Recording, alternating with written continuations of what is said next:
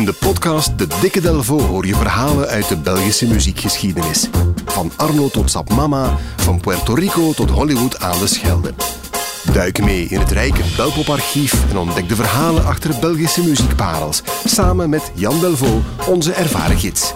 De mooiste Belpopverhalen krijg je in de Dikke Delvo podcast.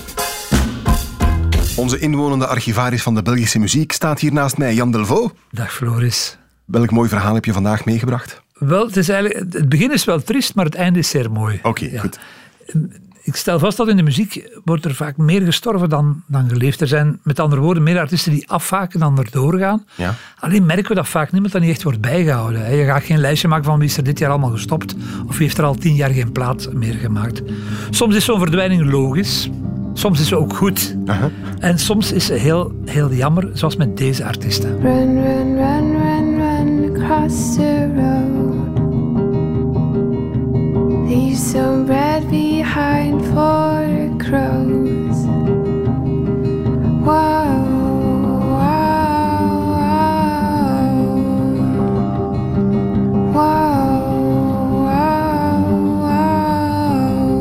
Een stukje uit The Birdwatcher van Imaginary Family. Ja, Imaginary Family was geen grote familie, maar was het eenmansproject van Johanna Iseley, geboren in de Franse Alpen en op haar vijftiende in, eh, in Gent beland. Toen ze jong was, ja, ver- verzon ze al korte liedjes, maar ze kan geen geduld opbrengen eigenlijk om een instrument te leren bespelen. Ah ja. En dat verandert wanneer ze in 2009 een gitaar cadeau krijgt van haar mama en dan gaat het ineens vanzelf. Dus ze begint nummers te maken. Haar gitaarspel is vrij onorthodox, want ze is linkshandig, maar ze bespeelt een rechtshandige gitaar ondersteboven zonder dat de snaar van plaats zijn veranderd. Ik moet dan aan Jimi Hendrix denken, maar het zal nog iets anders zijn, denk ik. Maar alleszins zeer, zeer bijzonder. Eh, in 2010 neemt ze deel aan De Beloften, een ondertussen verdwenen concours eh, voor Gens muziektalent. Het is pas haar tweede moment op een, op een podium, maar toch maakt ze heel grote indruk op eh, Christophe de Nijs, de centrale man van het ook al verdwenen Yuko. Ah ja, God, dat is lang geleden. Yuko. Hij stelt, eh, hij stelt haar samen om samen een EP op te nemen, maar ja, daar gaat ze niet op in, omdat ze niet echt van plan is om haar muziek naar buiten te treden. Ah bon, ja. Ze vond het wel fijn om eens op te treden, maar, eh, maar na een jaar meet ze dan toch plotseling terug en maakt, ze, maakt die twee samen een, een EP'tje, Hidden, met daarop breekbare, minimalistische en pakkende nummers, die ze grotendeels op haar bijzondere akoestische gitaar eh, speelt. En af en toe komt er ook wel eens iets elektronisch aan te pas, zoals hier in deze mooie samenwerking met Amatorski. Go please your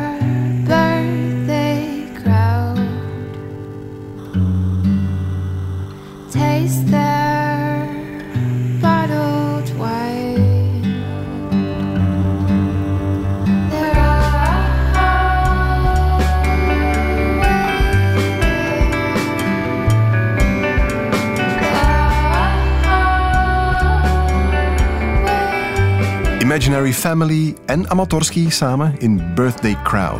ja, uit de EP eh, Hidden. Haar liedjes gaan verder over eh, delinquente cowboys, pingwings en eenzame buurmannen. Voilà. In 2012 werden daar vergelijkingen opgeplakt met Emiliana Torini. Ja. Dat was die zangeres van Jung- Jungle Drum, eh, qua, qua timbre.